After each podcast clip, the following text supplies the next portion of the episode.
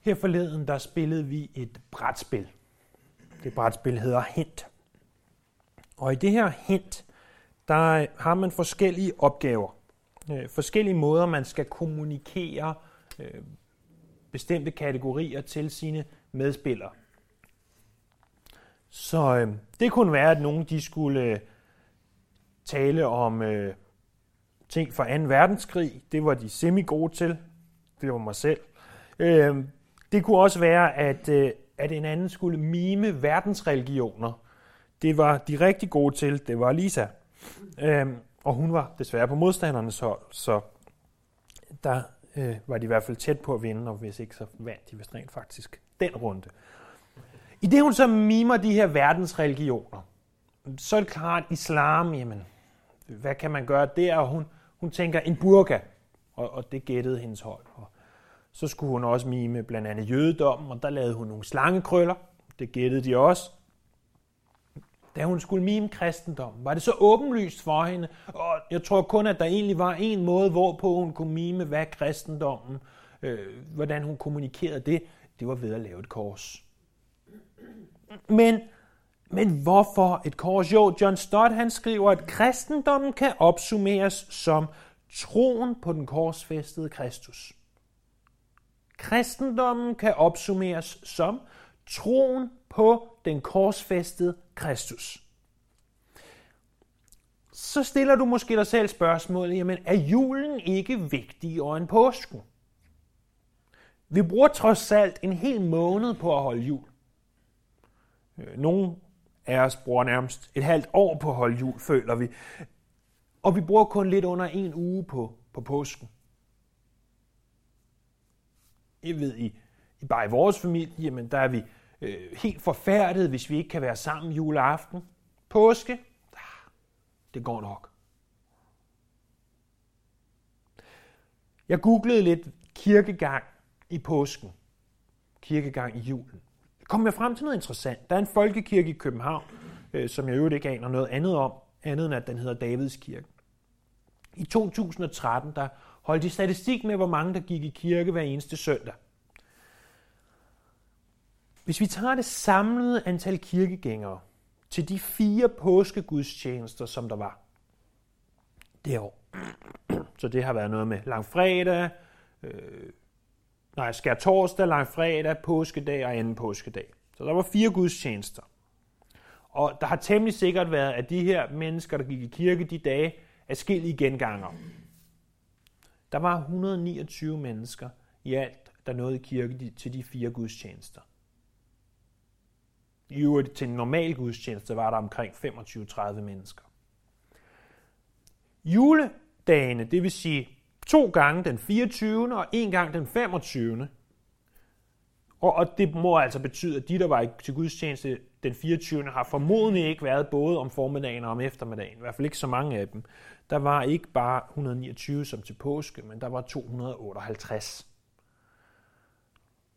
Altså noget, der minder om dobbelt så mange. Det her er selvfølgelig ikke nødvendigvis repræsentativt for alle kirker i hele landet. I hvert fald ikke for vores, men jeg tror, det er meget repræsentativt for den danske befolkning. Jeg fandt nemlig også i den her forbindelse to forskellige artikler, både en fra 2001 og 2009, hvor at, at pressen skriver om lignende tendenser, at danskerne som befolkning finder julen vigtigere end påsken, selvom kirken kommer og påstår, at påsken er vigtigst. Men Bibelen viser os noget andet, end at julen er vigtigere end påsken. Bibelen indeholder til fire evangelieberetninger. Matthæus, Markus, Lukas og Johannes. De fire bøger har til sammen øh, 3.779 vers. Herudaf er de 1.222 vers, eller cirka en tredjedel omhandlende den sidste uge af Jesu. En tredjedel af det, vi læser i evangelierne, omhandler den sidste uge af Jesu liv, hvor at han rider ind i Jerusalem, han taler nogle forskellige ting, han har nadver, han bliver korsfæstet, og han opstår igen. Når Helligånden igennem de her evangelieforfattere lægger så stor vægt på den sidste uge af Jesu liv, så må det være fordi, at det er vigtigt. Paulus han siger i Galaterbrevet kapitel 6, vers 14, Men giv det aldrig måske for mig. Prøv en gang i at slå op faktisk. Galaterbrevet kapitel 6, vers 14. Det var ikke det, han skrev, men det siger jeg til jer. Galaterbrevet kapitel 6, vers 14.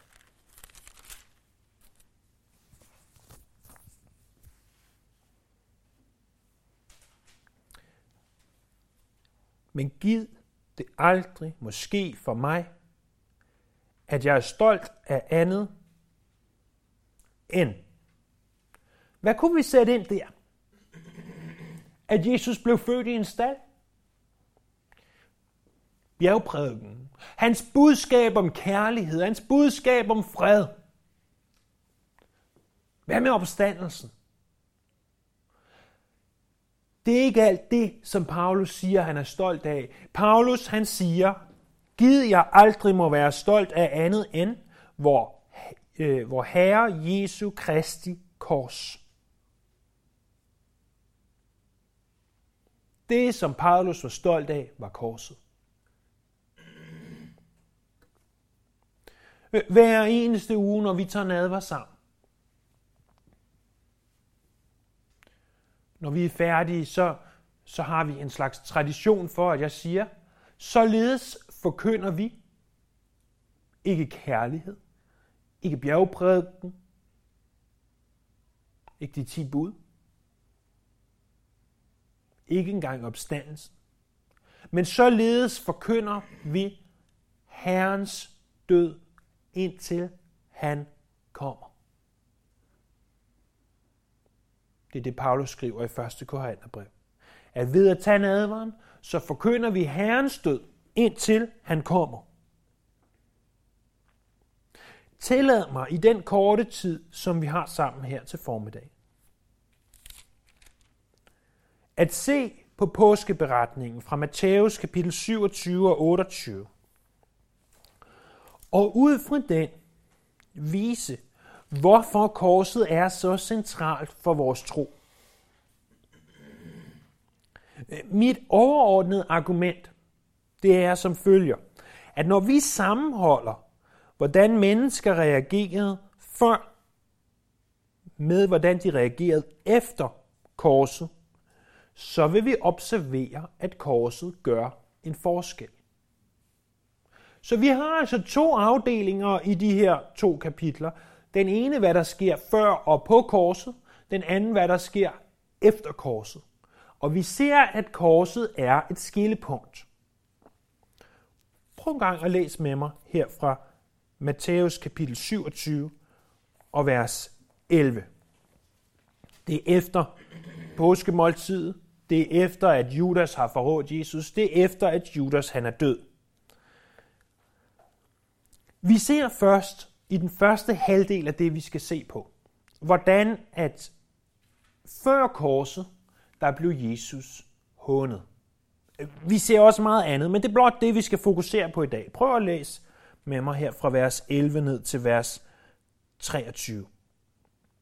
Jesus blev stillet for stadholderen, og stadholderen spurgte ham, er du jødernes konge? Jesus svarede, du siger det selv. Men på ypperste præsternes og de ældstes anklager svarede han ingenting. Da sagde Pilatus til ham, hører du ikke alt det, de vidner imod dig? Men han svarede ham ikke på det eneste spørgsmål, så stadholderen undrede sig meget. Under festen plejede stadholderen at løslade en fange efter folkets egen vilje.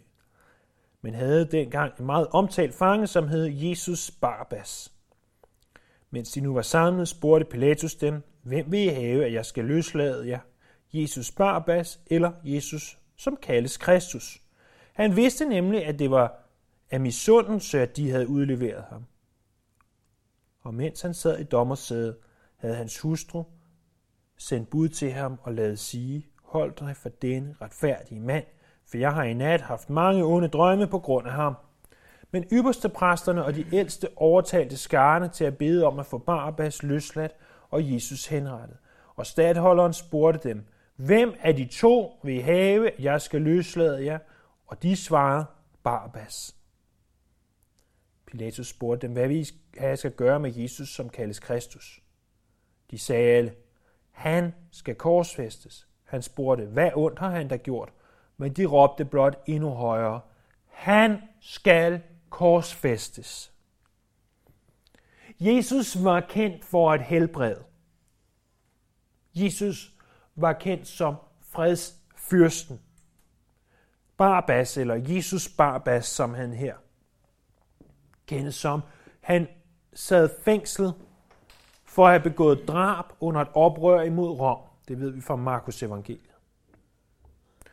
Men folket, de valgte morderen over livgiveren. De valgte oprøreren over fredsfyrsten. Og derved der hånede de Jesus, og de sagde indirekte, Jesus, som kaldes Kristus, du er værre end en morder. Du er værre end en oprører. De hånede Jesus ved at vælge Barbas. Prøv at se så i vers 24 til 26, hvordan de håner Jesus ved at lade ham piske. Da Pilatus så, at der ikke var noget at gøre, men at tværtimod blev uro, tog han noget vand, og i skarens påsyn vaskede han sine hænder og sagde, Jeg er uskyldig i denne mands blod. Det bliver jeres sag. Hele folket svarede, Lad hans blod komme over os og vores børn.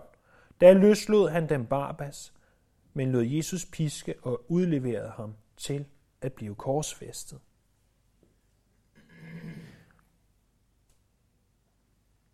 Efter at Pilatus var nødt til at, at frigive Barbas, så sender han Jesus videre til at få pisk. Ifølge jødisk lov måtte man højst give 39 piskeslag. 40 var tallet for dom, så når man gav 40 minus 1, så var det øh, for at vise øh, barmhjertighed.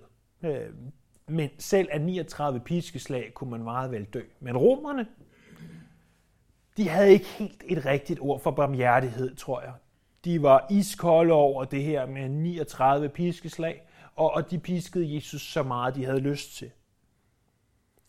Ved at give Jesus romersk pisk, der håner de hans egen lov.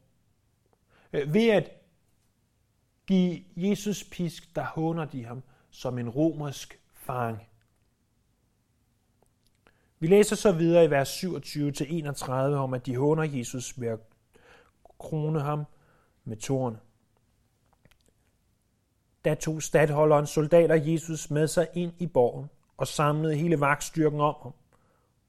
De klædte ham af og hængte et skarlanrød soldaterkappe om ham, flettede en krone af tårne og satte den på hans hoved, gav ham en kæppe i højre hånd og faldt på knæ foran ham og hånede ham og sagde, Hild dig, jødekonge! Og de spyttede på ham og tog kæppen og slog ham i hovedet. Og da de havde hånet ham, tog de kappen af ham, gav ham hans egne klæder på, og så førte de ham ud for et korsfæste ham.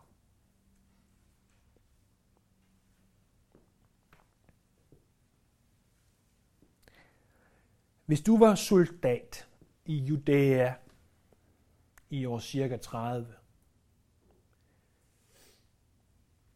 så havde du ikke noget tv. Du havde ikke meget underholdning af noget som helst. Din underholdning var at få lov til at lave lidt sjov med de, der skulle henrettes. Så efter at Jesu ryg var blevet pisket, flænset til blod. Lad os bare sige tingene, som de er. Efter at var blevet flænset til blod, så tager de en, en rokappe og hænger ned over hans ryg. Forestil dig, hvilken smerte det i sig selv må have udløst. Og den her tornekrone, og vi taler altså ikke en, en rosen øh, busk med pigge på en halv centimeter. Vi taler torne af skillige centimeter lang. Presser den ned over hans hoved. Så står der en kæp. Det ord for kæp. Øh, kan betyde siv. Det kan også betyde en en kæp i en eller anden art, men et scepter, det var det ikke. Det var en kæp. De håner ham ved at give ham en kæp. Så går de forbi ham en efter en og bruger den kæp, som skal symbolisere, at han er konge. Og med den så får han lige en i fjeset. De håner ham. De håner ham hver og en. Der står faktisk, at det er hele vagtstyrken. Øh, det græske ord, der bruges for vagtstyrken, indikerer, at der har været op imod 600 mand, der hånede Jesus den dag.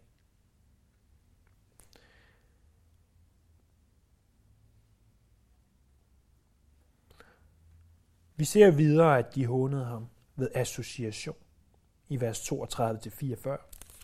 På vejen derud traf de en mand fra Kyrene, som hed Simon, og de tvang ham til at bære hans kors. Og da de kom ud til det sted, der hedder Golgata, det betyder hovedskalsted, så gav de ham vin at drikke, som var blandet med malurt. Men da han smagte det, ville han ikke drikke det. Og da de havde korsfæstet ham, delte de hans klæder mellem sig,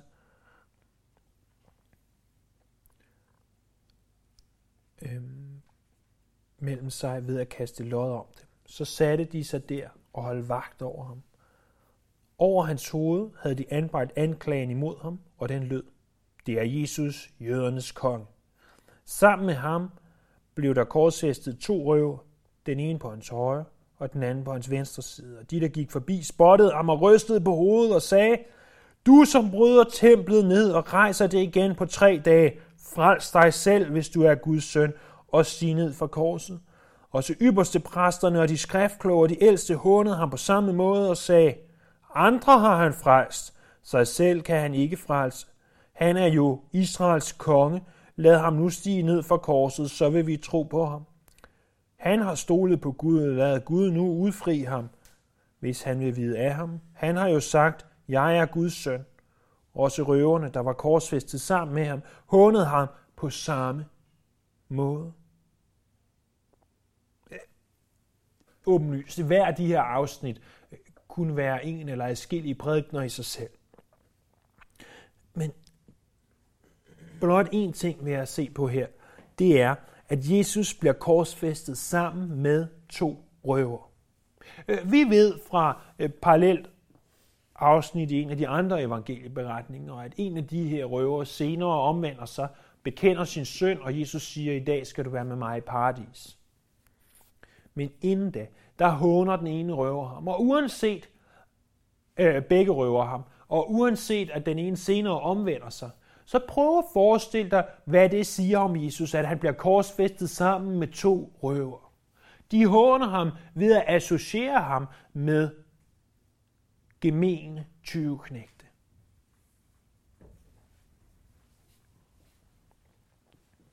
Du er ikke bedre end en røver. Endelig så ser vi for det femte og sidste, at de håner ham ved at korsfeste ham.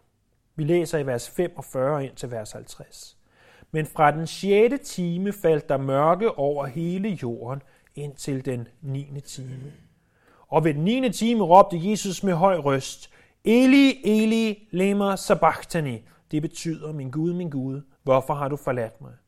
Nogle af dem, der stod der og hørte det, sagde, han kalder på Elias. Straks løb en af dem hen og tog en svamp og fyldte den med eddike, satte den på en stang og gav ham noget at drikke.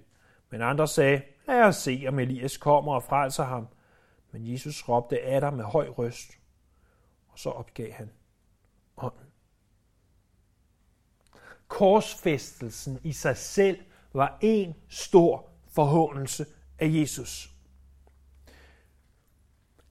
Jøderne de anså det for en forbandelse at blive hængt på et træ. Vi læser om det i 5. Mosebog kapitel 21, vers 22 og 23, og Paulus øh, taler også om det her i Galaterbrevet kapitel 3, vers 13. Det viser, hvad det er, der sker med Jesus. I det, at han bliver hængt på et træ, så bliver han, øh, bliver han forbandet, fordi at vores synd bliver lagt på ham mere om det senere. Men Jøderne anså det for en forbandelse at blive hængt op på et træ. Det var en stor hån at hænge et jøde, en jøde på et træ. Cirka 100 år før Jesus levede, der var den øh, politisk, romersk øh, politiske filosof Cicero, der levede han, og han udtalte om korsfæstelse følgende, og jeg citerer, at korsfæstelse er det ondeste og mest frastødende af straffe. Det at binde en romersk borger, det er ulovligt. At piske ham, det er videre stykkeligt. At slå ham, det er det samme som et rovmor. Men at korsfæste ham, skriver Cicero, hvad for noget? Der findes ikke et ord, der vil beskrive denne afskyelige handling. 100 år før Jesus levede, skrev Cicero det her.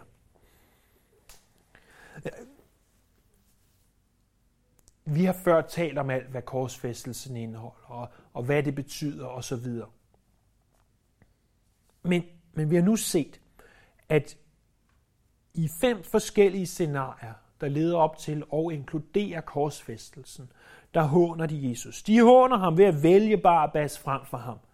Øh, de håner ham ved at piske ham. De håner ham ved at, at spotte ham, give ham den her tornekrone på. De håner ham ved at associere ham med røver. Og de håner ham ved at korsfeste ham. Men alt det her, det er det, der sker før og op til korset.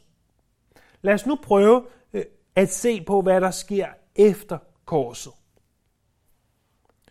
Hvad var det, korset ændrede for det første i forhold til den her officer? Prøv at se der i vers 51-56. Og se, forhænget i templet flængedes i to dele fra øverst til nederst, og jorden skælvede, og klipperne revnede, og gravene sprang op, og mange af de hensovne helliges læmer stod op, og de gik ud af deres grave og kom efter hans opstandelse ind i den hellige by og viste sig for mange. Men da officeren og hans folk, der holdt vagt over Jesus, så jordskælvet, og, de an, og det andet, der skete, blev de redselslagende og sagde, Sandelig, han er Guds søn. Der var også mange kvinder, der så til på afstand og havde fulgt Jesus fra Galilea og sørget for ham.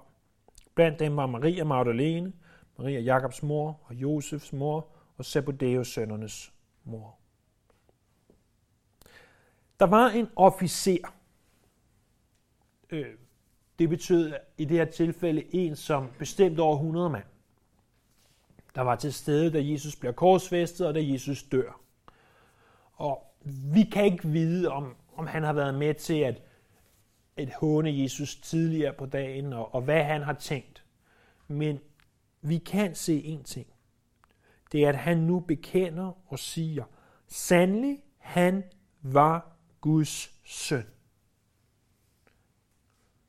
Korset forvandlede den her officer fra at være skeptiker til at være sympatisør. Fra en skeptiker til en sympatisør. Så prøv at se i vers 57-61. Men da det var blevet aften, kom der en rig mand fra Arimathea. Han hed Josef. Og han var blevet en disciple af Jesus. Han gik til Pilatus og bad om at få Jesu læme. Pilatus befalede, at det skulle udleveres – så tog Josef Jesu læme og svøbte det ind i et rent lagen og lagde det i den nye grav, som han havde lavet hugget ud i klippen til sig selv. Og han væltede en stor sten for indgangen til graven og gik. Men Maria Magdalene og den anden Maria var der og sad over for graven. Josef fra Arimathea, han var et medlem af jødernes råd.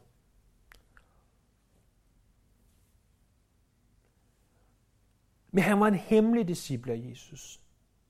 Han var bange for, hvad folk tænkte om ham. Men nu, efter korset, så ser vi, at han står frem, ydmyger sig selv, går op til Pilatus og siger, kan jeg få lov at få hans læme? Og han lægger det i sin egen grav. Korset forvandlede Josef Arimathea fra en hemmelig til en åbenlys efterfølger af Jesus. Korset forvandlede Josef Arimathea fra en hemmelig til en åbenlys efterfølger af Jesus. Så prøv at se der i vers 62-66. Næste dag, dagen efter forberedelsesdagen, gik ypperste præsterne og farisæerne sammen til Pilatus og sagde, Herre, vi kom i tanker om, at denne bedrager, mens han endnu var i live, sagde, efter tre dage opstår jeg.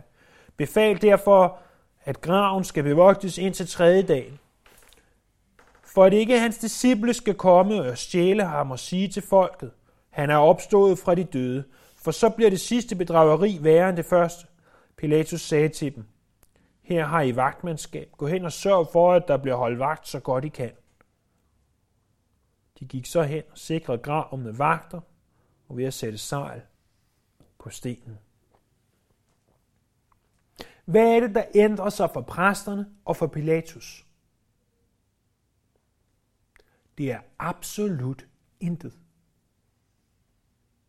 De kalder ham stadigvæk en bedrager. De gør stadigvæk, hvad de kan for at, at underminere hans undervisning. Korset gjorde ingen forskel for dem, i hvert fald ikke her og nu. Og, og selvom du måske tænker, kunne du ikke have arrangeret din prædiken på en anden måde, så det gjorde en eller anden god forskel for alle, så nej, for det her er en vigtig pointe, som vi skal se om lidt, når vi konkluderer. Så gør korset en forskel for det er bare ikke den forskel, som vi tænker. Vi ser ikke en umiddelbar forskel i de her mænd. Men de bliver nødt til nu at se på Jesus i konteksten af, at han er blevet korsfæstet. Hvad nu? Vil han stå op for de døde? Er vi nødt til at sørge for, at hans disciple ikke kommer og stjæler ham? De er nødt til at tage stilling til, at Jesus er korsfæstet. Så prøv at se der i vers 1-10 af kapitel 28. Efter sabbaten, da det gryede af den første dag i ugen, kom Maria Magdalene og den anden Maria hen for at se til graven, og se, der kom et kraftigt jordskæld, for Herrens engel steg ned fra himlen og trådte hen og væltede stenen fra og satte sig på den. Hans udseende var som lynel, og hans klæder var hvide som sne. De, der holdt vagt, skælvede af frygt for ham øh, og blev som døde. Men englen sagde til kvinderne, frygt ikke. Jeg ved, at I søger efter Jesus, den korsfæstede. Han er ikke her. Han er opstået, som han har sagt. Kom og se stedet, hvor han lå. Og skynd jer hen og sig til hans disciple, at han er opstået fra de døde. Og se, han går i forvejen for jer til Galilea. Der skal I se ham. Nu har jeg sagt jer det. Og de skyndte sig bort fra graven med frygt og glæde og løb hen for at fortælle det disciplene og se, Jesus kom ham i møde og hilste på dem med et godmorgen. Og de gik hen og omfavnede hans fødder og tilbad ham. Da sagde Jesus til dem, frygt ikke, men gå hen og sig til mine brødre, at de skal gå til Galilea. Der skal de se mig. Den fjerde og sidste ting, som, som vi skal se, er forandret. Det er ikke en person, men det er en begivenhed. Øh, det er den begivenhed, som vi kalder for opstandelsen. Vi kan og burde måske også sige meget mere om opstandelsen i dag, når det er påskedag. Men lad os blot se på, hvad det var, korset ændrede for opstandelsen. Jesus han udtrykker det selv således. Sandelig, sandelig siger jeg jer, hvis vedkornet ikke falder i jorden og dør, så bliver det kun det ene korn. Men hvis det dør, så bærer det mange folk. Jesus han elskede at bruge naturen som, som illustration. Og så siger han, hvis vi ikke tager et hvedekorn, hvis jeg bare beholder hvedekornet her i min hånd, så forbliver det det ene korn.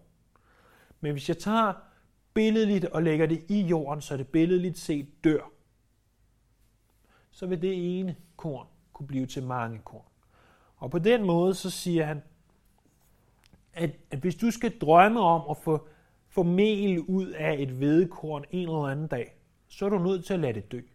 Hvis du skal drømme om at få liv ud af mig, så er jeg nødt til at dø. Tænk over det her. At hvis Jesus ikke var død langfredag, så kunne han ikke opstå påskedag. Hvis Jesus ikke var død langfredag, så kunne han ikke opstå påskedag. det er, undskyld mig, hvis det her virker lidt for banalt, det er en streng nødvendighed. Først at dø, for at kunne opstå. Du kan ikke opstå, før du er død. Selvom nogle af os måske føler, at, at det er næsten er opstandelseskraft, der skal til, når vi skal ud af sengen øh, om morgenen og skal på arbejde mandag morgen, øh, så er det ikke opstandelseskraft. Du er ikke død. Hvis du skal opstå, er du nødt til først at dø. Korset ændrede det, at Jesus havde muligheden for at opstå.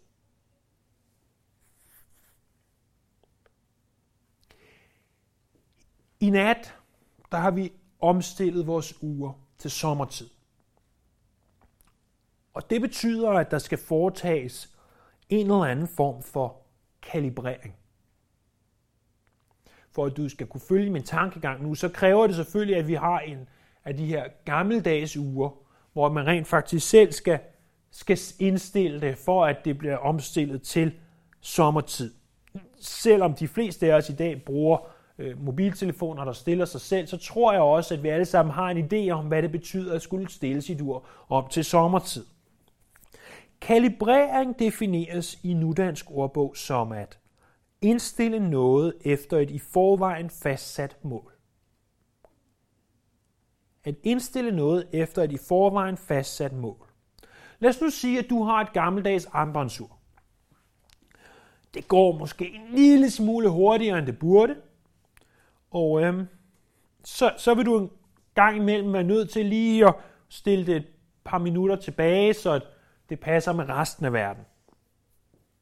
Men nu i nat, så er der sket en ting, der gør, at du ikke bare kan stille det et par minutter tilbage. Nej, du skal måske stille det 58 minutter, eller hvis det gik præcis før, en time frem. Øh, der er blevet sat i nat en ny standard så at når du på tirsdag skal møde på arbejde, så er du nødt til at møde efter den nye standard. Det nytter ikke noget, at du siger, jeg fornægter sommertid. Jeg vil ikke finde mig i det. Der findes mennesker, der nærmest prøver på at leve sådan. Det, det giver ikke mening, hvilket man måske kan have ret i.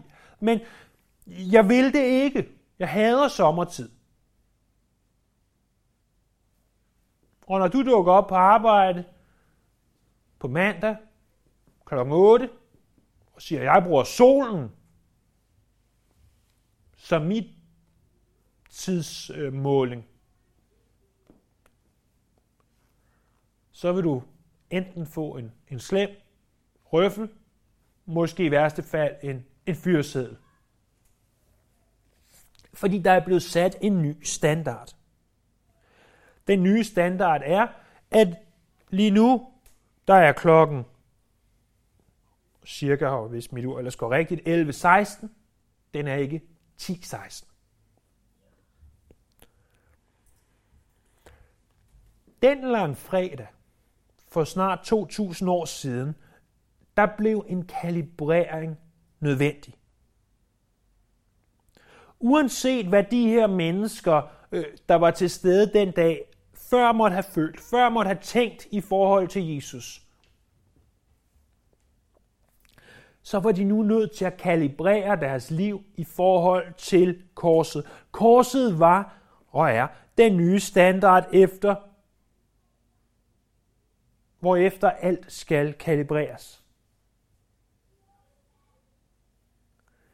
Og selvom de måske ikke var enige, så måtte både officer, Josef præster og så videre kalibrere efter den nye standard, der hed korset.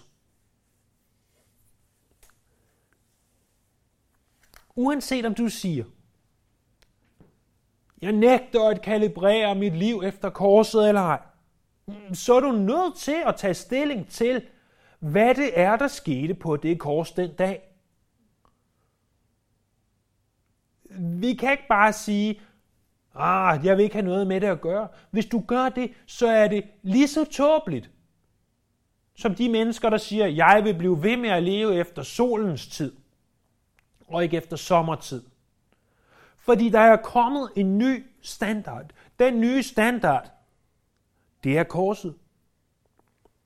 Og hvad så med det her kors? Hvorfor er det, det er så vigtigt at lade sit liv kalibrere efter korset? Jo, vi så, at liv blev forvandlet. Vi så, at ting var anderledes. Hvorfor var det anderledes? Der var tre kors ved Golgata den dag. På det midterste af dem, der hang der en mand. Han var et sted mellem 30 til 35 år. Han var født i Bethlehem, opvokset i Nazareth. Og indtil han var omkring 30 år, der havde han virkede som tømmer. Derefter var han blevet omvandrende profet og mirakelmager. Men den her mand, som selvfølgelig er Jesus, han var langt mere end en mand. Det var om ham, der blev sagt af i gang fra himlen, fra Gud selv. Dette er min elskede søn.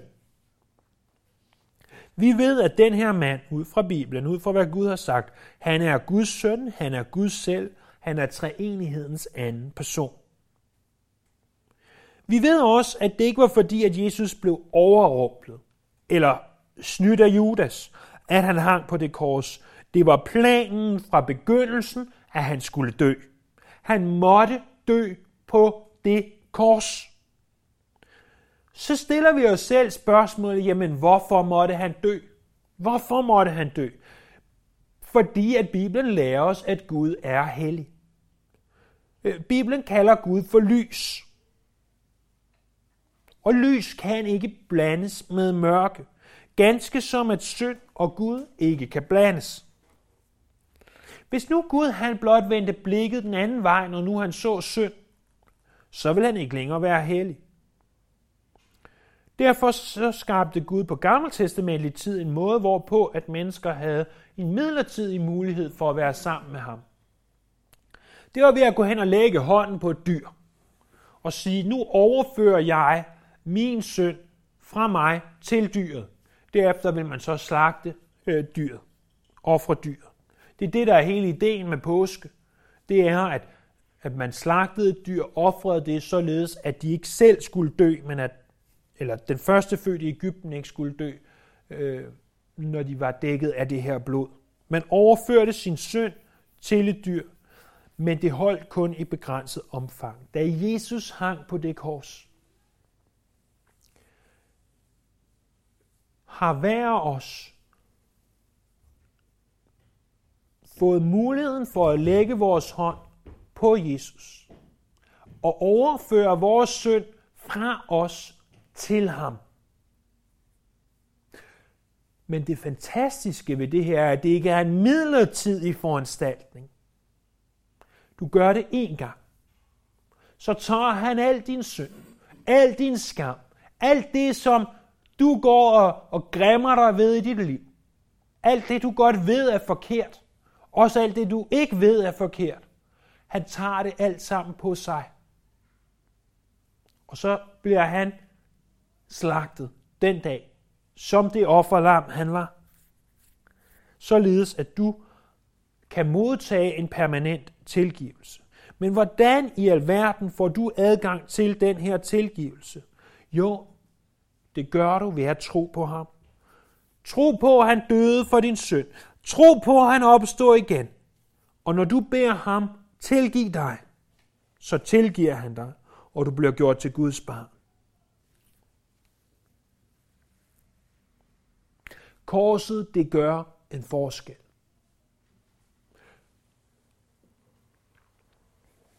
For ved at komme til ham, som hang på det kors, så kan du modtage frelse for fremtidig dom. Du kan modtage evigt liv med Gud i himlen. Du kan blive arving til Guds rige. Jesus han døde den dag for det, han troede på. Det er der så mange, der gør. Forgangne uge har vi set selvmordsbomber dø i Belgien, for det de troede på. Hvorfor er Jesu død så anderledes end deres død?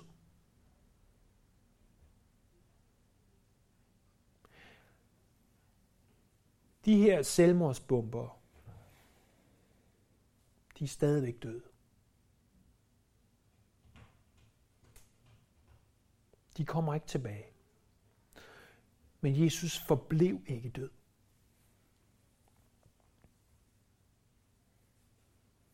Hvis du siger, ja, men de her selvmordsbomber, de blev sprængt i små stykker. Selvfølgelig kommer de ikke tilbage igen. Tror du selv, at det er sværere for Gud at samle mennesker, der ligger i små stykker, end det er at opvække en, som var død under romersk henrettelse? Nej. Jesus var lige så død, som de her mennesker i Belgien er død.